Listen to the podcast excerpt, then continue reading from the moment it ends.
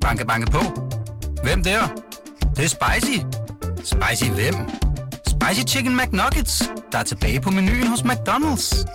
Badum, bom, tji.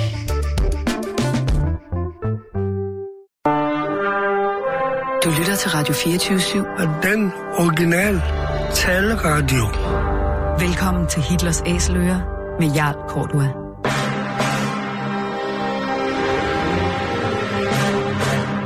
Velkommen til programmet Hitlers Æseløer, et program om bøger om den anden verdenskrig. Mit navn er Jarl Cordua.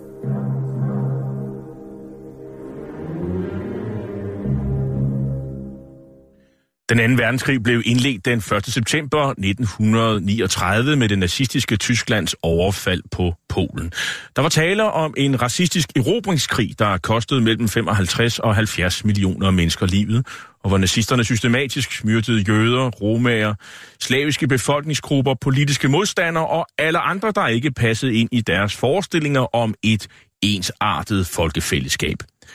Nazisterne de blev i årene efter krigen dømt ved krigsforbryderdomstolen i Nürnberg, og flere af deres organisationer, såsom nazistpartiet NSDAP, SS og Gestapo, ja, de blev stemplet som ulovlige forbryderorganisationer. I denne serie, som vi har valgt at kalde for Hitlers æsløer, præsenterer vi nogle af de mange bøger, som i disse år udkommer om den anden verdenskrig.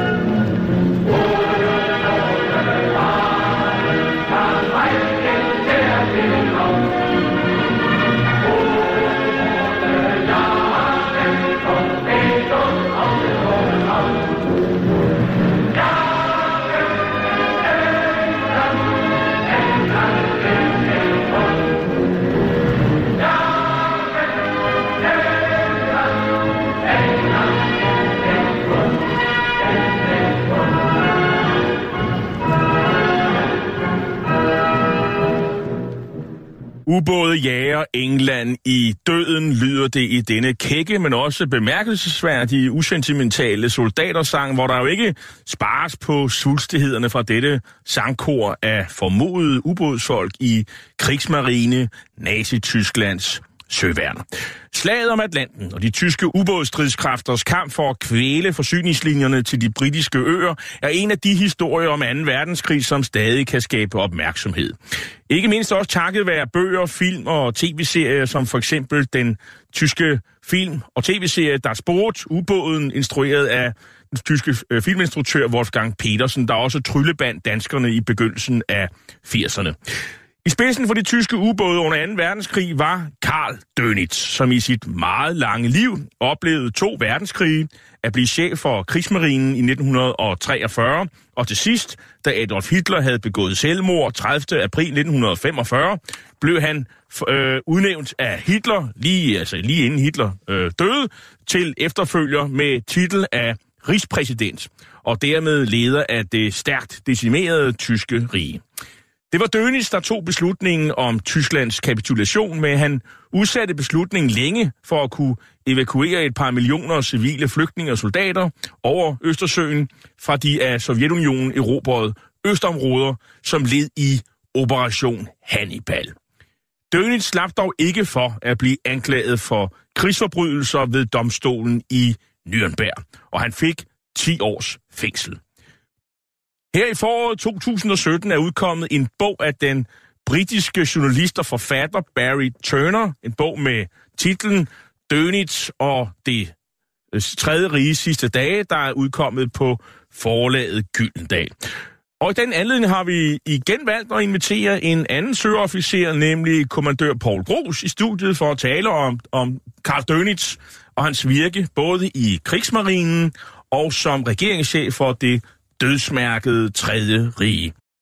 Paul Gros, han er i dag blandt andet rejseleder i firmaet Kulturs, og han har jo selv begået en glimrende bog om krigen i Østersøen 1939-45, der er udkommet på Forsvarsakademiets forlag, og den har vi jo tidligere omtalt i et program her i Hitlers Æsler. Paul, velkommen til. Aller øh, først øh, kort. Hvem var Dönitz, og hvorfor er han interessant? Fordi han er jo meget omdiskuteret stadigvæk, ikke mindst i sit hjemland Tyskland. Ja, det er en kontroversiel mand. Han er vanskelig at beskrive med få ord. Han er særdeles velbegavet, pligtopfyldende og dygtig.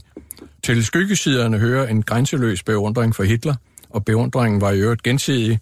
Han er citeret for nogle voldsomme antisemitiske udtalelser, og så blev han jo aftager til Hitlers tredje rige, og det kom fuldstændig bag på ham. Han var sådan set overbevist nazist, men han blev ikke medlem af partiet, før han blev udnævnt til æresmedlem den 30. januar 1944, altså på 11-årsdagen for Hitlers magtovertagelse.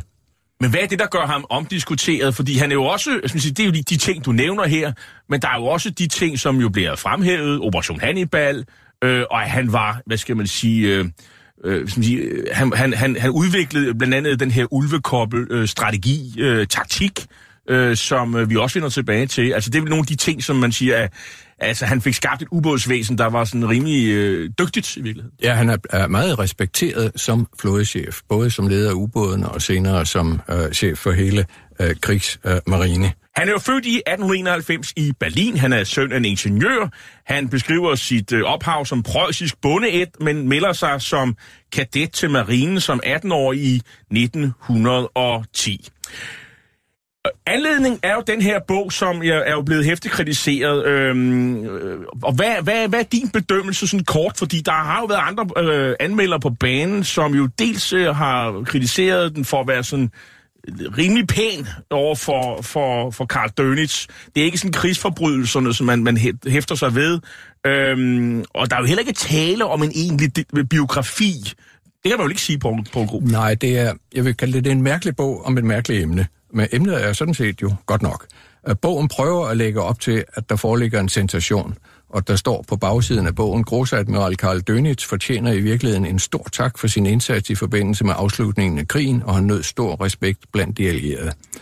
Det er noget af en påstand, og der foreligger ikke noget nyt fra forfatterens side, men stoffet er tilsyneladende nyt øh, for ham.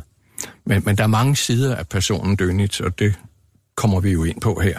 Ja, men, det, men man kan sige, øh, der er også andre bøger, man kunne, man kunne læse. For eksempel har han jo selv udgivet sine erindringer. De hedder 10 Jahre und 20 Tage, 10 år og 20 dage. Og i 2010 er der også udkommet en, en ganske kritisk øh, biografi af den tyske marinehistoriker Dieter Hartwig. Den hedder Legende und Wirklichkeit.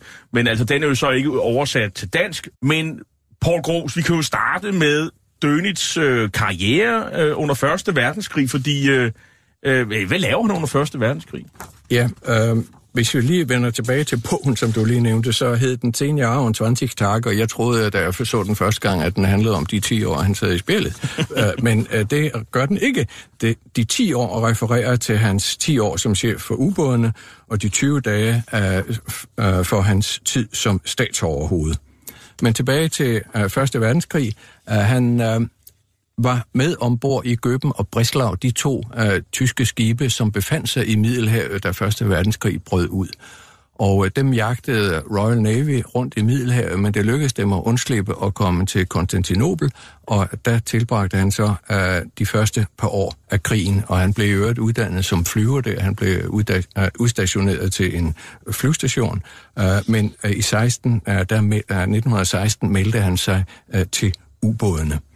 Så han var uh, blandt andet elev hos den senere polske flådechef, øh, som var chef for den polske flåde den 1. september 1939, Josef Unruk. Men han øh, er i lære som ubådschef og øh, får sin egen kommando i øh, 1918, i januar 1918. Og øh, han har sejlet med to forskellige ubåde, og den 4. oktober, altså fem uger før Første verdenskrig slutter, øh, der øh, får ubåden haveri i forbindelse med en ubådsjagt. Den dykker ud, og øh, hele øh, besætningen bliver reddet, men Dönitz bliver altså taget til fange, øh, bliver, opholder sig på Malta og bliver senere transporteret til Sheffield, og der bliver han så løsladt fra engelsk krigsfangenskab i 1919. Og hans karriere, hvis vi tager den derfra, så var han torpedobådschef efter øh, Første Verdenskrig, og øh, I 1933 bliver han kommandørtegn. 34 bliver han chef for den lette krydser Emden, som har rollen som skoleskib, og der er han skibschef, øh, mens øh, krydseren tager på et tur af togt jorden rundt i 12 måneder. Ved hjemkomsten, der bliver han udnævnt til kapitan Sursee, det vil sige kommandør og chef for den nye ubådsstyrke. I sommeren 35, der har Tyskland og Storbritannien forhandlet om at ophæve en del af Versailles-traktaten, så tyskerne får ret til at bygge ubåde igen. Og det gør man i øvrigt uden at spørge franskmændene, som jo altså var en væsentlig del af Versailles-traktaten. Og den første ubåd løb af stablen 11 dage efter aftalen var skrevet under, så de må nok have været godt forberedt fra tysk side. De havde jo blandt andet haft et, det, der hedder et ingeniørkantor for Skibsborg øh, i Rotterdam fra 1922, som man forberedte altså ubådsbyggeri allerede tilbage fra øh, 1922. I 36 der bliver hans titel ændret til fyre der ubåde, og øh, i 39, tre uger inde i krigen, så bliver den ændret tilbage til befælshaber der ubåde, for der er kun én fyre. Øh, så bliver han kontramiral øh, 1. oktober 39, viceadmiral 1. september 40, admiral 14. marts 42 og grosadmiral 30. marts 43. Og så bliver han statsoverhoved i forbindelse med Hitlers selvmord. In October 1918, I was uh, captain of a submarine in the Mediterranean near Malta. In a dark night, I met a British convoy with cruisers and destroyers. And I attacked and I sank a ship. But the chance would have been very much greater there have been a lot of submarines. That's why the idea to uh, to uh, of a wolf pack to to put the submarines together that they could attack together was very uh, impressive, and uh, that's why in all the years from 1918 until the year 1935 where we had the first submarines again in the German Navy, I never had forgotten this idea. Ja, vi hører her selv Dönitz i et klip fra den øh, britiske tv-serie World at War, en verden i krig hed den. Altså, en serie, der blev sendt i 70'erne også på, på dansk tv, fortæller, hvordan han øh, ud fra sine erfaringer som øh, ubådskommandør i 1918 fik ideen til ulvekoppe-taktikken, hvor altså flere ubåde de, øh, de er samlet set, hvis de jager samlet, så er de mere effektive, øh, når de skal ud og, og, og, og gå efter konvojerne. Paul Gros. Ja, det han snakker om på dansk er det ulekoblet, på engelsk Wolfpack og, og på tysk rodeltaktik. Det går simpelthen ud på, at det, øh, det, det er svært at finde en konvoj. Når man har fundet en konvoj ude på Nordatlanten, så blev den ubåd, som sender fjendemeldingen tilbage på radio til ubådsbroadcasten ved hovedkvarteret. Han bliver chef for operationen.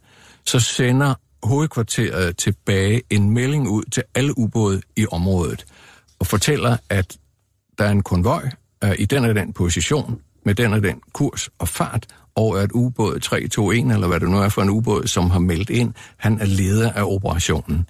Så den ubåd bruger radio og alle de andre nøjes med at lytte, de sender ikke noget som helst. Så modstanderen ved altså ikke, hvor mange ubåde der er, er i området. Så ved at den masseanvendelse af ubåde, så kunne man opnå nogle bedre resultater, end hvis en ubåd blot øh, ramlede ind i en konvoj, som sejlede forbi. Det man lige skal huske, det er, at de tyske ubåde på det her tidspunkt, det var, hvad man kunne kalde dykkebåde. De var ikke særlig gode til at sejle neddykket i længere tid. Deres batterikapacitet var begrænset, så mange af dem, de angreb som torpedobåde i overfladen. Så de dykkede ikke. De sejlede med fuld fart ind mod konvojen. Man er udgør et meget, meget lille mål uh, med en ubåd, der angriber, uh, sejler ind på kollisionskurs, uh, øh, og der er ikke ret meget andet at se end tårnet op over vandet lige forfra. Uh, så det var sådan set måden, de gjorde det på, og når de så følte sig truet, så dykkede de. Og øh, englænderne havde jo altså fundet opfundet noget, der hed Astik, og det var ikke imponerende godt. Man forsøgte at skræmme tyskerne i slutningen af 30'erne med at fortælle, hvor imponerende Astik var. Men, men det var altså kun i, i forsøg, man lavede. Der var det kun en ud af 10 ubåde, som blev fundet. Og det var altså en sonar? Det var en sonar, ja, øh, som, hvor man pinger en lyd aktiv under vandet, og hvis der er en ubåd, så får man ekko kastet tilbage. Men hvis det vanskelige er at finde konvojerne, øhm, og ikke at sænke den, fordi når det først er fundet, så er det der med at sænke, det er, sådan, det er ikke så nær så svært. Øhm, så skulle man jo tro, at øh, krigsmarine havde jo sådan en, en flåde af flyvemaskiner, de, for de kan jo bevæge sig hurtigere. Hvorfor havde krigsmarine ikke en masse flymaskiner, som kunne finde de her konvojer? Grosadmiral Reder havde ønskede at oprette et stort marineflyvåben. Uh, men Göring var af den opfattelse, at han sagde, at alles was fliegt gehört mir, alt hvad der flyver, det tilhører mig. Så han sørgede for, at alle fly kom under uh, Luftwaffe. Uh, så marinen havde kun tilladelse til at flyve med de fly, som befandt sig ombord i krydserne og i uh, slagskibene. Så det vil sige 3, 4, 5 fly kunne man finde på de meget store skibe. Det var, hvad Luftwaffe havde. Så man måtte spørge Göring om øh, støtte til rekognoscering ud over Nordatlanten, og der fik de støtte, når de ikke havde brug for det, og de fik ikke støtte, når de havde brug for det. Der var et meget dårligt samarbejde mellem Luftwaffe og øh, krigsmarinen. Nu nævner du lige øh, storadmiral Erik Reder, som jo sådan set er, er Dönitz chef på det her tidspunkt. Og øh, der er jo en strategi øh, for den tyske krigsmarine. Øh, hvad går den ud på her i, øh, i ved, krigens begyndelse? Det man erklærer, at det er altså en blokade mod Storbritannien. Storbritannien var uh, en uh, industrination, som uh, havde en hel masse industri, men ingen råvarer. Så alle råvarerne og en masse fødevarer skulle bringes til landet øh, via skibsfart. Så det man gerne ville, det var at isolere, øh, og det kunne man gøre ved at anbringe en hel masse miner rundt om Storbritannien, angribe med ubåde, og så kunne man lave flyangreb mod skibstrafikken i nærheden af de britiske øer. Så det var sådan set det, det gik ud på. Modsat lavede Storbritannien så det, at man blokerede Tyskland og sørgede for med en fjernblokade, fordi man havde en meget stor overfladeflåde, der kunne man så forhindre skibe i at nå frem til Tyskland. Det vil sige, at Tyskland måtte satse på at få øh, hvad, de behøvede, øh, hvad man behøvede i Tyskland til uh, industri, råvarer og sådan noget. Det skulle man have over land og der var aftalen med Stalin fra 1939 meget vigtig. Stalin leverede korn, olie og andre råvarer til øh, Tyskland. På det her tidspunkt er der jo så, så nogle man siger, overfladeskibe øh, og ubåde, og det vil sige, de spiller begge parter en, en rolle i den her strategi, men, men det ændrer sig jo.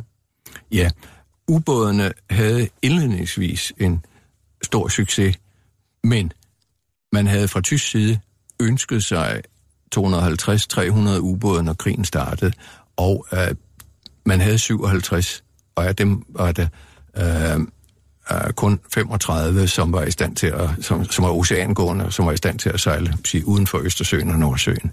Øh, så det var en ret beskeden øh, indsats at starte med. Et år inde i krigen, der har man stadigvæk 57 ubåde, der er sænket 29, og der er bygget 29. Øh, så øh, et år inde i krigen, der er status quo. Men så kommer der utrolig meget gang i ubådsproduktionen, og dermed kommer der et meget stort problem for Storbritannien.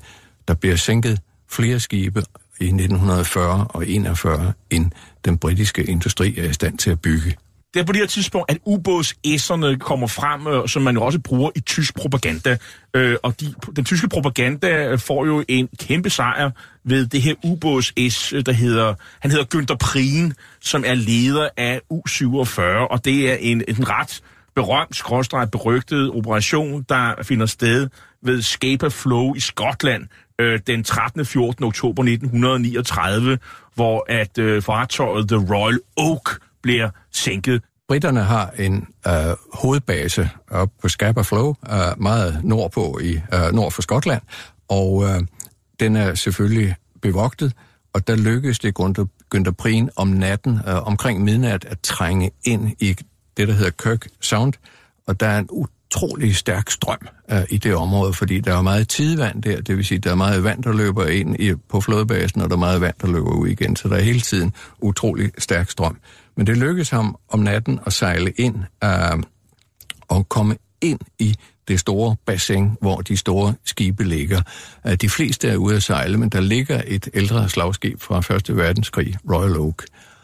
Og Günther Prin skyder syv torpedoer. De fem af dem virker ikke, men det får propagandaen jo ikke at vide. De to af dem virker, og skibet springer i luften og synker uh, med et stort tab af, af menneskeliv, og det lykkes Prien i løbet af en time at slippe ud af basen igen og komme tilbage til Kiel. Og han bliver simpelthen folkehelt, og, og han får jo Ritterkreuz, Medaillen og Laub og det hele overragt af, altså, af Altså ridderkors, jernkorsets ridderkors, ja, øh, overragt af Hitler. Af, af Hitler selv. Så. Og han udgiver sine erindringer, og de laver en film om ham og alle, alle mulige andre ting. Og så, og så i marts 41 er det jo så slut med Günther Prien, men han har været en legende øh, i lige siden. Et andet øh, S er Otto Kretschmer. Hvad, hvad er det, han har, har, har på samvittighed? Ja, Otto Kretschmer er den tyske ubådschef, som har sænket flest skibe, og han blev øh, øh, allerede taget til fange, da hans ubåd blev sænket ude på Atlanten den 17. marts 41, men der var ikke nogen, der slog hans tonnage-rekord.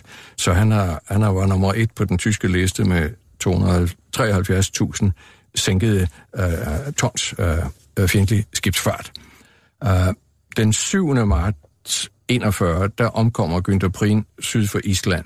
10 dage senere, der bliver øh, Kretschmer taget til fange midt ude på Atlanten, da hans ubåd synker. Og samme dag, der bliver Schipke, som er også en berømt ubådsmand, bliver sænket af de samme eskorteenheder, som, som sænker Kretschmers. Så lige pludselig, der vender situationen. Den er ikke så gunstig mere for, Dönitz ubåde. Og der er vi altså ret tidligt i krigen i virkeligheden. Det er allerede ja, 1941. amerikanerne er ikke engang kommet ind i krigen. Det er tre kvart år før.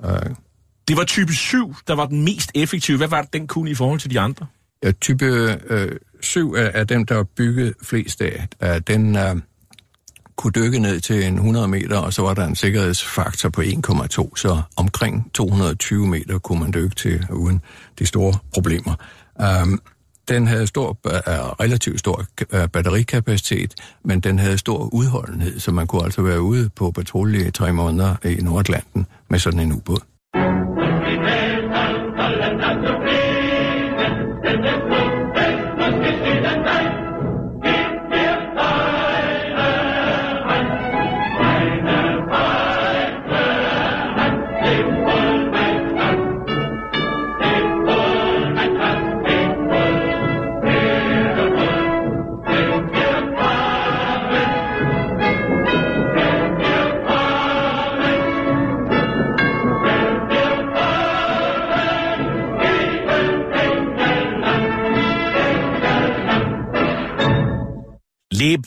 Wohlmannschaft, vi fahren gegen England. Også en anden øh, kendt øh, skal man sige, soldatersang for krigsmarine. Og på det her tidspunkt, så er det, vi kalder for slaget om Atlanten i gang, Paul Gros. Hvad, hvad sker der i de efterfølgende år efter 41? Ja, der er flere faser af, af slaget om Atlanten. Um, med fly, der kunne man dække en del af havområdet, men man kunne ikke dække det ude på midten. Så det vil sige, der hvor ubådene søgte ud, det var midtvejs mellem USA og Storbritannien, og der uh, kunne man så uh, angribe konvojerne, uden at der var flydækning over området. Det vil sige, at man både dag og nat kunne angribe konvojerne. Uh, så det gik meget hårdt ud over den uh, britiske skibsfart. Man fik en lille smule støtte fra USA, men ikke meget.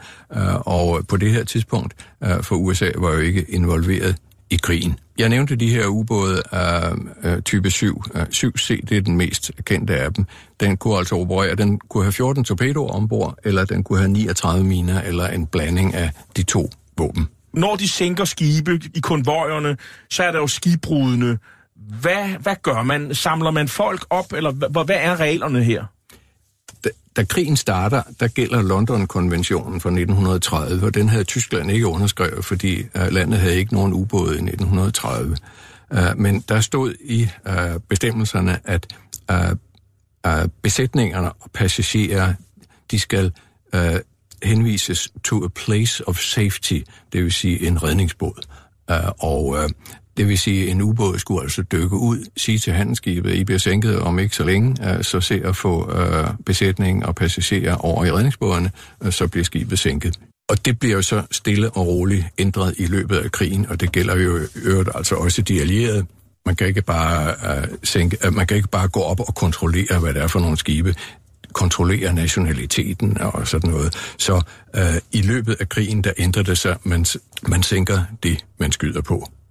Til gengæld så er der det problem, det som Christmas nævnte, det var det der med ein Schiff, ein Torpedo. Man må ikke bruge torpedoerne og skyde store vifter af, af torpedoer og sådan noget. Man skal være meget økonomisk, når man ligger derude, for man har ikke så mange torpedoer. Men når man skyder en torpedo, så skal det være, fordi den skal ramme. Men der, der er nogen, der mener, øh, at, øh, at der var tale om sådan en ren krig i slaget om Atlanten øh, mellem parterne. Hvad vil du mene? Uh, krig er jo ikke ikke noget, der er særlig rent, men, men uh, det, det var meget vanskeligt uh, for de, uh, de forskellige involverede. Det var farligt for en ubåd at gå op og hjælpe nogen. Der var en, uh, en brøm situation med et stort passagerskib, som blev sænket ud for den afrikanske kyst af en tysk ubåd. Og øh, der er utrolig mange mennesker, inklusive italienske krigsfanger, ombord i det skib.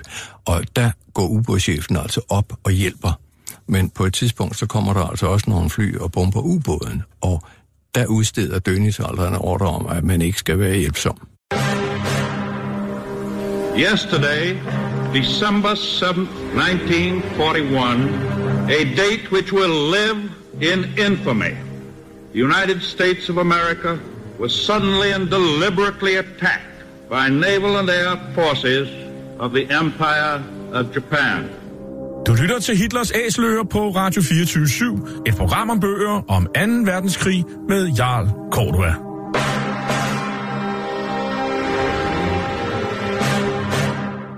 Og i dag der taler vi med kommandør Paul Grus om øh, Barry Turners bog Karl Dönitz og det tredje riges sidste dage, der er udkommet på forlaget Gyldendal. Og øh, vi taler om ubådsvæsenet, det tyske ubådsvæsen, og der er jo en øh, udbyggelse af, af nye ubåde her, og vi kommer lidt længere hen i krigen, fordi nu nærmer vi et tidspunkt, hvor vi skal tale om om, øh, om, om Dönis øh, skal sige, anden berømte fase af sit, af sit, af sit øh, liv.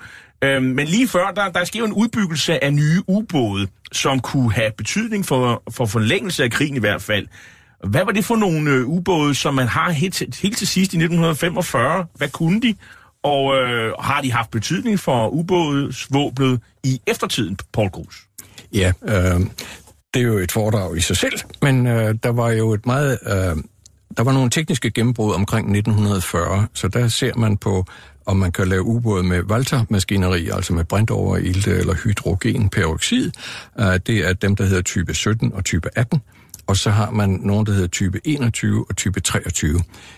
Type 21 og 23, de har simpelthen tre gange så meget batterikapacitet som de hidtidige ubåde. Så det vil sige, at de kan sejle fra en konvoj neddykket.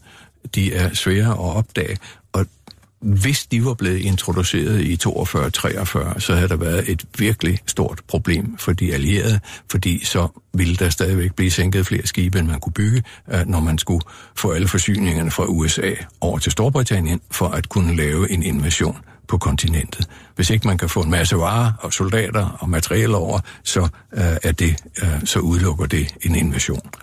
Men de der ubåde, de blev så produceret i stort tal, men man kunne jo læse med på nogle af signalerne i Bletchley Park. Man havde knækket de tyske flådekoder blandt andet. Så der kunne man følge med i, hvordan det gik. Og blandt andet så fik man rapporter i Storbritannien fra den japanske flådeattaché i Berlin, som sendte detaljerede rapporter hjem til Tokyo, og der beskrev han de tyske ubådsprogrammer i detaljer, øh, og man kunne også knække den japanske flådekode, så dermed kunne man også følge med i, hvordan det gik med bombningerne af Kiel og andre havne, hvor man producerede ubåde, og dermed ændre sin kampagne, så man fik skadet ubådsproduktionen så meget som muligt. Da 2. verdenskrig slutter, så er både russerne, britterne og amerikanerne meget interesserede i at overtage de ubåde, der er af såvel type 17 og 18, det, at de nåede ikke op, øh, uh, rigtig at komme ud og sejle dem øh, med valgtermaskineri. uh, øh, men systemet blev overtaget af alle tre lande. Og typer, uh, typerne 21 og 23, der lykkedes det alle tre magter at få eksemplarer af ubådene, så de kunne kigge på dem. Neue U-Boot-Besatzungen sind zur Besichtigung durch den Großadmiral angetreten. Meldung an Großadmiral Dönitz.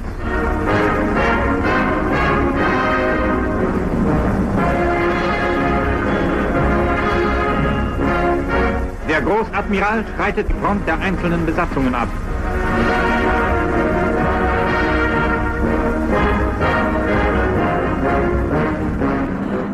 Ja, det er tysk nazistisk ugerevy, der beskriver storadmiral Dönitz, der inspicerer nye ubådsbesætninger i maj 1944, fordi øh, i mellemtiden, der er han jo blevet storadmiral fra 31. januar 1943, hvor han altså overtager efter sin gamle chef Erik Ræder, øh, og der sker jo et skift øh, i strategien til udelukkende satsning på ubåd, Paul Grus. Ja, baggrunden er slaget i Barentshavet, og øh, det er måske ikke kendt af så mange.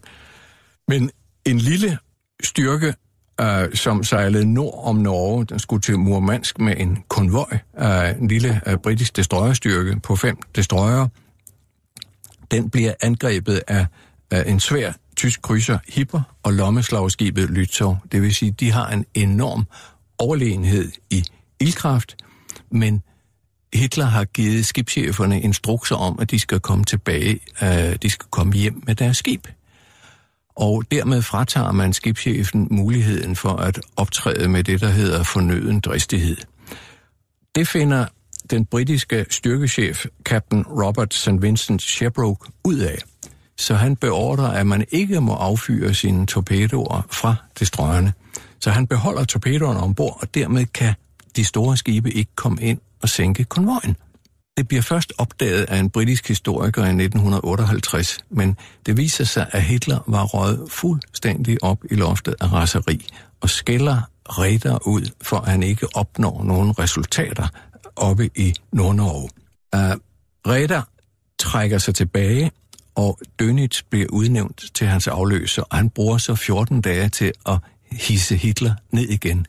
Hitler vil gerne sende alle besætningerne fra de store skibe til Østfronten og sætte kanonerne op på land og bruge dem på forter. Og det forklarer Dönitz som, at det er ikke nogen god idé, fordi man binder utrolig mange allierede skibe ved uh, Tirpitz blotte tilstedeværelse i en norsk fjord op i nærheden af konvojerne uh, ved, at der skal over til Murmansk og uh, Arkhangelsk. Så det tager altså 14 dage at få øh, hisse Hitler ned, og så fortsætter man sådan set. Men nu har man jo altså ubådsstyrkens chef, han er nu chef for hele flåden, og der bliver lagt meget stor vægt på ubådsproduktionen. Den får, øh, han får Hitlers ord for, at den har første prioritet, men på et tidspunkt er der altså også andre, der kommer ind til Hitler, og lige pludselig så har alting først prioritet. Øh, men øh, ubådene, og navnlig type 21 og type 23, de er opprioriteret. Der sker jo det, at øh, de, de tyske hære går tilbage på alle fronter, og øh, navnlig på Østfronten går det helt galt. Flygtningene begynder at flygte hen over Østersøen, eller i hvert fald de begynder at, at, at skal væk derfra, fordi at, at russerne er meget, meget tæt på. Og der er det jo så, at man iværksætter Operation Hannibal, Paul Grus, hvad går den ud på? Ja, den 22. oktober trænger de første russere ind på tysk jord i Østpreussen, og der er man klar over, at nu er den gal. Uh, man holder nogle opildende taler, uh, det gør gavlejderen i uh, Østpreussen, Erik Koch, uh, men det har den stik modsatte effekt. Når han siger, at folk skal sætte hælene i jorden og blive og kæmpe der, hvor de er, så mylder det jo altså vestpå, fordi de er bange for russerne, og nogen ved også, at ty- den tyske her uh, øh, har lavet grusomme forbrydelser i Rusland. Det kunne være, at russerne vil hævne sig, når de kommer ind på tysk jord. Så der er starter en folkeflytning fra Østpreussen vestpå, øh, og øh, inden krigen er slut, er der 2,2 millioner mennesker, som er transporteret vestpå af søvejen. Det var meget vanskeligt at komme øh, vestpå med tog og landevejen, fordi der, var jo, der begyndte jo at komme utrolig mange sovjetiske fly i luften. De tre fronter, som angreb i retning mod Berlin, havde over 15.000 fly til rådighed. Så øh, de blev sat ind mod jernbaner og mod veje. Der var ikke de store angreb mod skibsstyrkerne af uforklarlige årsager, men øh, man forsøger at skrave så mange skibe sammen som muligt. Man bruger alt, hvad der er. Man finder også en del skibe i Norge og Danmark til hjælp for den her transport. Til sidst så ender Hitler med at begå selvmord, og så udnævner han Dönitz til sin efterfølger. Han får titel af rigspræsident. Hvorfor bliver det ham? Og hvorfor bliver det ikke en af de der skal man sige, nazispidser fra nazistpartiet, Göring, Goebbels, Himmler, Paul Grus? Ja, det er jo en, et ganske mærkeligt valg, øh, der sker her. Øh, det kunne være rustningsminister Speer, det kunne være Reichführer Heinrich Himmler fra SS, eller propagandaminister Josef Goebbels. Hvis vi kobler de forskellige ud, Speer var måske en kandidat, men han fik at vide den 13. marts øh, 1945, at han skulle ødelægge hele den tyske infrastruktur. Så når Tyskland blev erobret, så skulle der ikke være en stump tilbage. Øh, så øh, Hitler gik altså ind for det Ragnarok, at der ikke var noget tilbage. Det synes Speer ikke var fornuftigt, og han gik op og sagde det til Hitler, når vi når ind i midten af april at øh, det havde han altså ikke gjort. På den måde, der røg han af listen som mulige kandidater, og jeg tror nok, at han har tænkt sig gevaldigt om og sagt, at det er ikke nogen smart idé at stå som aftager af det tredje rige efter øh, Hitlers øh, selvmord. En mand, der utrolig gerne ville og fandt det helt naturligt, at han blev det, det var Heinrich Himmler. Og ham har Dönis jo nogle interessante møder med lige i forbindelsen med overtagelsen. Lige før han får at vide, øh, jeg tror det er samme dag, han, han øh, øh, den 30. april, øh, der har han et møde med Himmler om formiddagen, og så får han at vide om aftenen, at han skal være aftager, og så får han arrangeret et nyt møde med Himmler. Goebbels kobler sig selv ud af det, i det han begår selvmord. Øh, han og konen og alle børnene øh, omkommer i øh, Hitlers bunker. Og Göring er allerede afskrevet for, og for længe. Göring har været involveret i et, et uh, kup, uh, og der i øvrigt så, så har, ja, kommer det jo altså også frem via pressen, at Himmler har følere ude til Sverige. Men hvorfor Dönitz? Altså han er jo øh, han er søofficer, det kunne være en general, øh, men øh, altså vi ved, at Dönitz han får kontakt med Hitler fra efteråret 34, hvor han jo er kommandant på krydseren øh, Emden, og så siger han i hvert fald i Nürnberg, han har kontakt med ham fire gange frem mod 39, Øh, han melder sig aldrig sådan egentlig ind i nazistpartiet, selvom han jo i 44, Øh, der blev han pludselig æresmedlem af partiet. Alligevel så tyder alt på, at han var nazist til fingerspidserne og antisemit. Men er det fordi, at Hitler han siger, det kan ikke blive en general, det kan ikke blive en af de der øh, nazispidser, men søværnet, øh, krigsmarinen, har Dönitz ham har jeg mest fidus det. Er det sådan, der? Efter 20. juli øh, råbte Hitler jo ret højt om omkring generalerne. Han var ikke særlig begejstret for generalerne i den tyske her, og påstod jo blandt andet det der med, at det eneste, de havde lært, det var at spise med kniv og gaffel på øh, Forsvarsakademiet og sådan noget der. Um, han var klar over, at han havde noget konkurrence derfra. De eneste to officerer, han snakkede rigtig godt med, det var Kesselring og Dönitz. Dönitz beundrede Hitler, og det var en gensidig øh, beundring. Han lyttede også til råd fra de to, så det var et relativt naturligt valg, og Dönitz var tæt på ham. Kesselring var lidt længere væk. Uh, så uh, det, det var i den henseende måske et uh, naturligt valg. Men det er stadigvæk indgået? Ja, og, og han har aldrig beskæftiget sig med politik før. Deutsche Wehrmacht, meine Kameraden. Der Führer ist gefallen.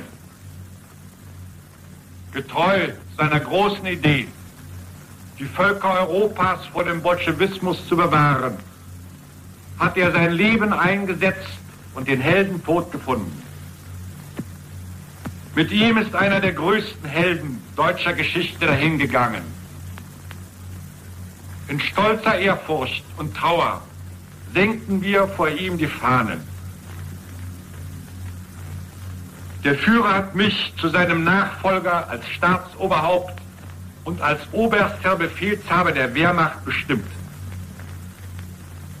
Ich übernehme den Oberbefehl über alle Teile der deutschen Wehrmacht mit dem Willen, den Kampf gegen die Bolschewisten so lange fortzusetzen, bis die kämpfende Truppe und bis die Hunderttausende von Familien des deutschen Ostraumes vor der Versklavung oder Vernichtung gerettet sind.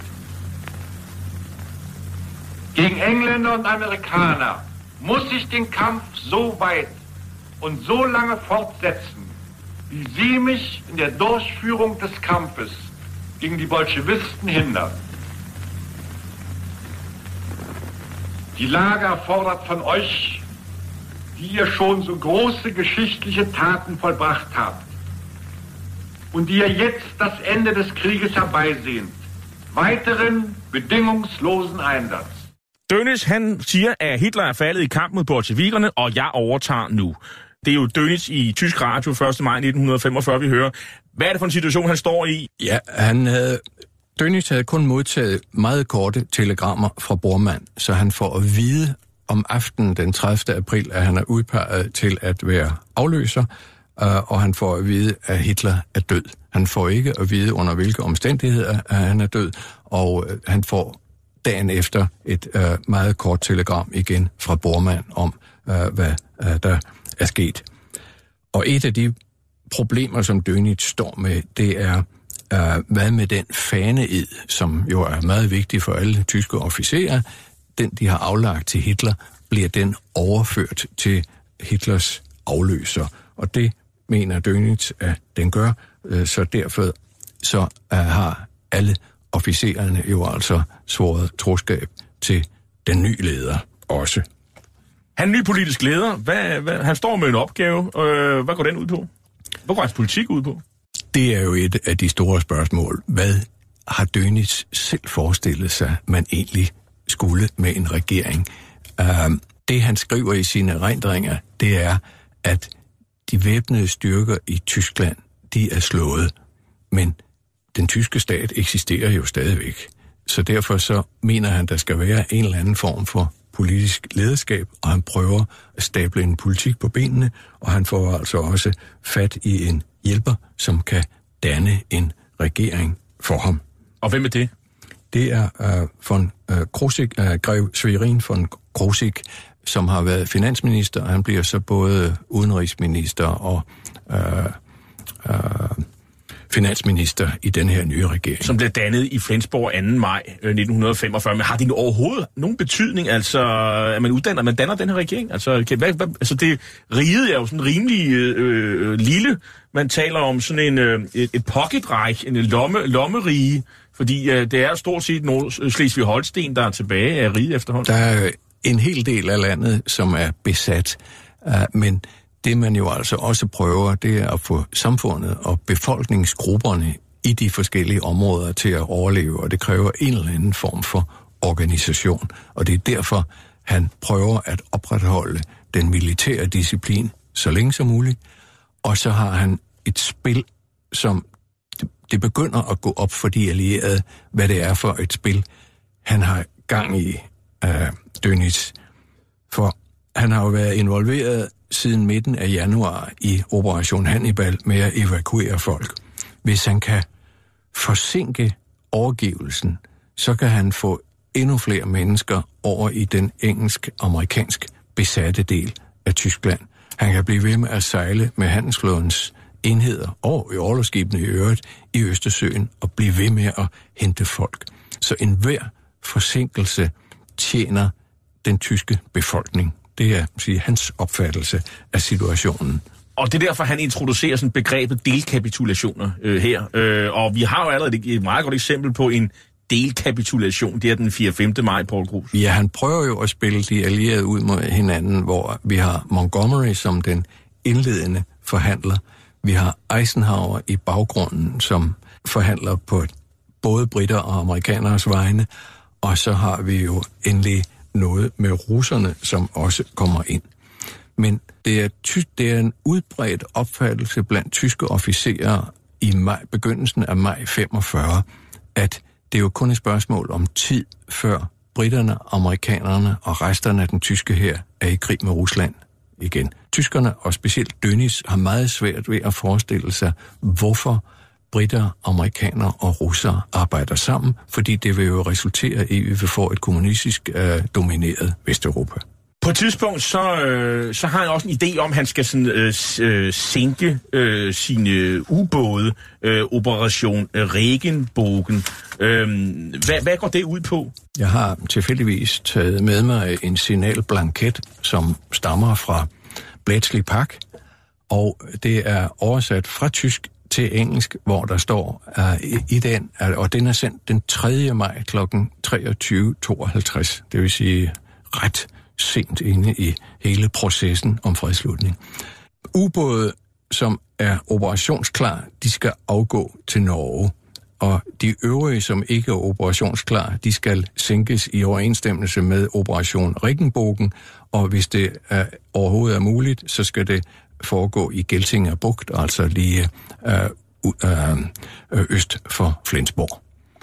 Altså, Operation Rikkenbogen blev iværksat, sænkning af alle ubåde, og det går så ind og bliver en del af forhandlingerne, må man sænke skibe mere. Så Rikkenbogen bliver aflyst efter, at den er iværksat. Og det efterlader jo altså nogen lidt forstyrret og regenbogen betyder så regnbue på tysk. Og, og, men der er jo nogen, der stikker af, blandt andet U-977, der når helt til Sydamerika. Jeg tror, de er neddykket i 66 dage, og der er jo meget maleriske beskrivelser af, at øh, stort set alt er grønt dernede, fordi øh, at, øh, og de øh, de, de har eksem og, og svamp og alt muligt andet, fordi det er ikke noget særligt... Øh, det er et rimelig fugtigt miljø, de, de, op, de oplever, når de kommer syd for ekvator i hvert fald. Vi skal have afsluttet hans øh, regeringstid, Dönitz. This was the scene at Flensburg after the arrest of the so-called German government. Dönitz, Jodl and Friedeberg leave the liner Patria to which they'd been summoned to hear that they were now prisoners of war. Dönitz, the self-styled Führer, Jodl, the former chief of staff, and Friedeberg, already no doubt resolved to take his own life. It was a day of mass arrests amounting to between five and 6,000 Germans. Det britiske urevy, der fortæller, at det nu er slut med The Pocket Reich, lommeriget, da Flensborg-regeringen bliver arresteret den 23. maj i Murvik, Mørvig på dansk ved Flensborg. Og krigsmarinens sidste chef, admiral von Friedeburg, han begår selvmord undervejs i processen. Og for inden har Dönitz jo selv fortalt, øh, han har jo blandt sendt Friedeburg til til Reims i Frankrig for at underskrive kapitulationen sammen med øh, Alfred Jodel, blandt andet Paul Grus. Ja, der er en meget interessant udvikling omkring den 7. maj med den fredslutning, fordi der er en russisk generalmajor med, som er øh, Stalins udsendte. Baggrund, det er generalmajor Ivan Alexejevich Susloparov, han var forsvarsattaché i Paris i 1939 og øh, efterretningsofficer, og formentlig manden, som stod for al den sovjetiske øh, militære øh, indhentning øh, i hele Vesteuropa. Da Paris bliver befriet i 44, så bliver han sendt tilbage som forsvarsattaché og også tilknyttet, tilknyttet som forbindelsesofficer til Eisenhowers hovedkvarter. Han ventede på at få et ja til at skrive under af Stalin – det får han ikke. Han får ikke noget at vide. Så han møder så op til underskrivelsen øh, og skriver under under forudsætning af, at han ikke modtager instrukser om det modsatte fra Moskva. Da han kommer tilbage til sit kontor efter underskrivelsen kl. 2.30 om natten, så ligger der fra Stalin uh, en ordre om, at han ikke må skrive under. Susloparov, han forsvandt. og ingen, der vidste, hvad der blev af ham. Og øh, folk, der faldt i unåde på det tidspunkt hos Stalin, de havde det med at blive likvideret i Ljubljanka-fængslet, så man vidste ikke helt, hvad der var sket med ham. Men han dukker så op nogle år efter, stadigvæk som generalmajor og chef for øh, Vojena Diplomatiske øh, Akademia øh, øh, i Moskva, altså en øh, krigsdiplomatisk øh, skole for efterretningsofficerer, dem der skal være attachéer. Dönitz, han blev jo så anklaget i Nürnberg for krigsforbrydelser. Hvad er det for nogle anklager, der bliver præsenteret for ham, Paul Grus? Ja, der er tre anklager. Det er forbrydelser mod menneskeheden, og der bliver han ikke dømt. For at have ført aggressionskrig, der bliver han dømt og forbrud på krigens love. Og så kan bliver han man... også dømt for det? Ja, han bliver dømt for de to sidste forhold. Men den amerikanske flådechef fra Stillehavet, Admiral Chester Nimitz, han bliver kaldt ind som vidne i forbindelse med uh, det der med, hvad gjorde ubådsbesætningerne, hvad var de autoriseret til, hvad måtte de, og, og, og så videre. Og der viser det sig, at der er ikke den store forskel på, hvad amerikanerne og hvad tyskerne har gjort under krigen. Vil du sige, at han har fået en, øh, en færre rettergang og dom? Du sådan uh, kigger på det. Barry Turner, han er jo ikke i tvivl. Han, han mener jo, at, øh, at, ja, at, at, uh, at, at det er en unfair proces. Det, det er, Sejr her, det, justits. Det, det, er, det er jo lidt svært at sige. Jeg, jeg, jeg, jeg vil nok sige, at de der to punkter er, er, er nok, uh, der har han ikke i virkeligheden forbrudt sig. Han, han har sendt nogle signaler om, uh, at der var ikke noget med at redde nogle mennesker, men, men uh, det, det, det er sådan det. Han er, ikke, han er ikke voldsomt belastet. Han får i hvert fald 10 år i Spandau-fængslet, hvor han sammen med Erik Ræder, der i øvrigt for livstid, tilbringer noget af tiden med at opføre historiske søslag og diskutere udfaldet. Han løslades i 1956, øhm, og vi kan lige høre, hvad Døne selv mener om sin dom. Ich war, hatte die Überzeugung, dass äh, øh, die Kriegsmarine unter meinem Befehl makellos gehandelt hat. Mit demselben Gefühl habe ich ja auch die Anklage gegen mich oder zur Kenntnis genommen. Und äh, im Wesentlichen äh, hat sie mich ja nicht getroffen, weil ich mir keiner Schuld bewusst war. Ja, det er Dönnis i interview fra 70'erne, hvor han siger, at han nærmest øh, tog dommen til efterretning, da han ikke er enig i præmissen, at han skulle være ansvarlig for krigsforbrydelser. Under hans kommando, ja, der havde krigsmarinen optrådt fejlfrit, mener han, og han behøver derfor ikke at føle nogen skyld. Det er altså synspunktet, det er andre så slet ikke enige i, vil jeg så lige sige. Øhm, øh, 41.000 tjener i krigsmarinens ubåde, knap 26.000 mister livet, og øh, den ene af hans søn, sønner dør i, som øh, medlem af en ubådsbesætning, og den anden søn dør som øh, medlem af en snælbåt-operation med Sydenglands kyster. Øh, omkring 85.000 øh, øh, mister livet i krigsmarinen. Paul Gros. Ja, øh, det var nogle voldsomme tab, de havde.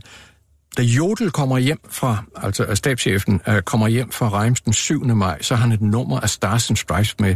Her er billeder af befrielsen af Dachau. Og der er Dönitz kommentar, det anede vi sandelig ikke noget om.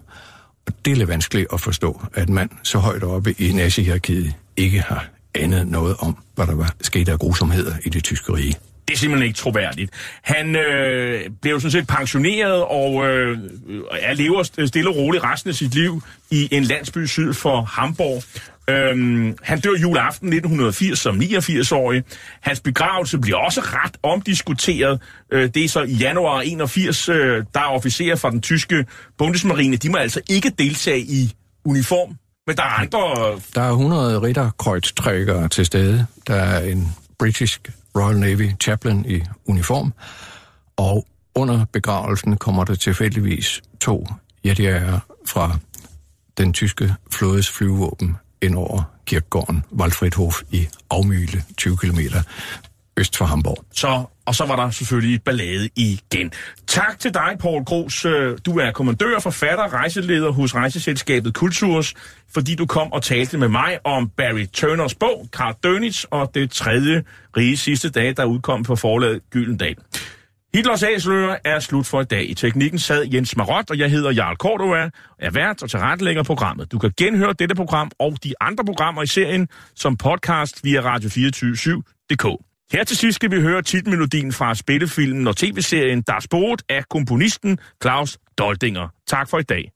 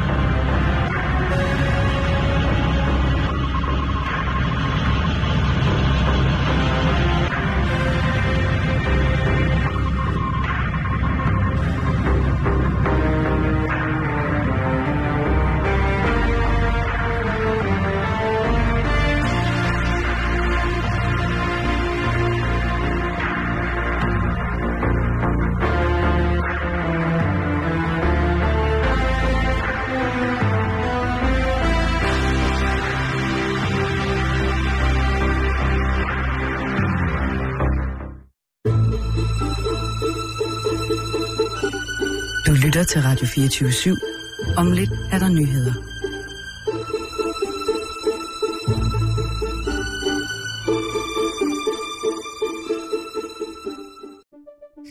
Banke, banke på.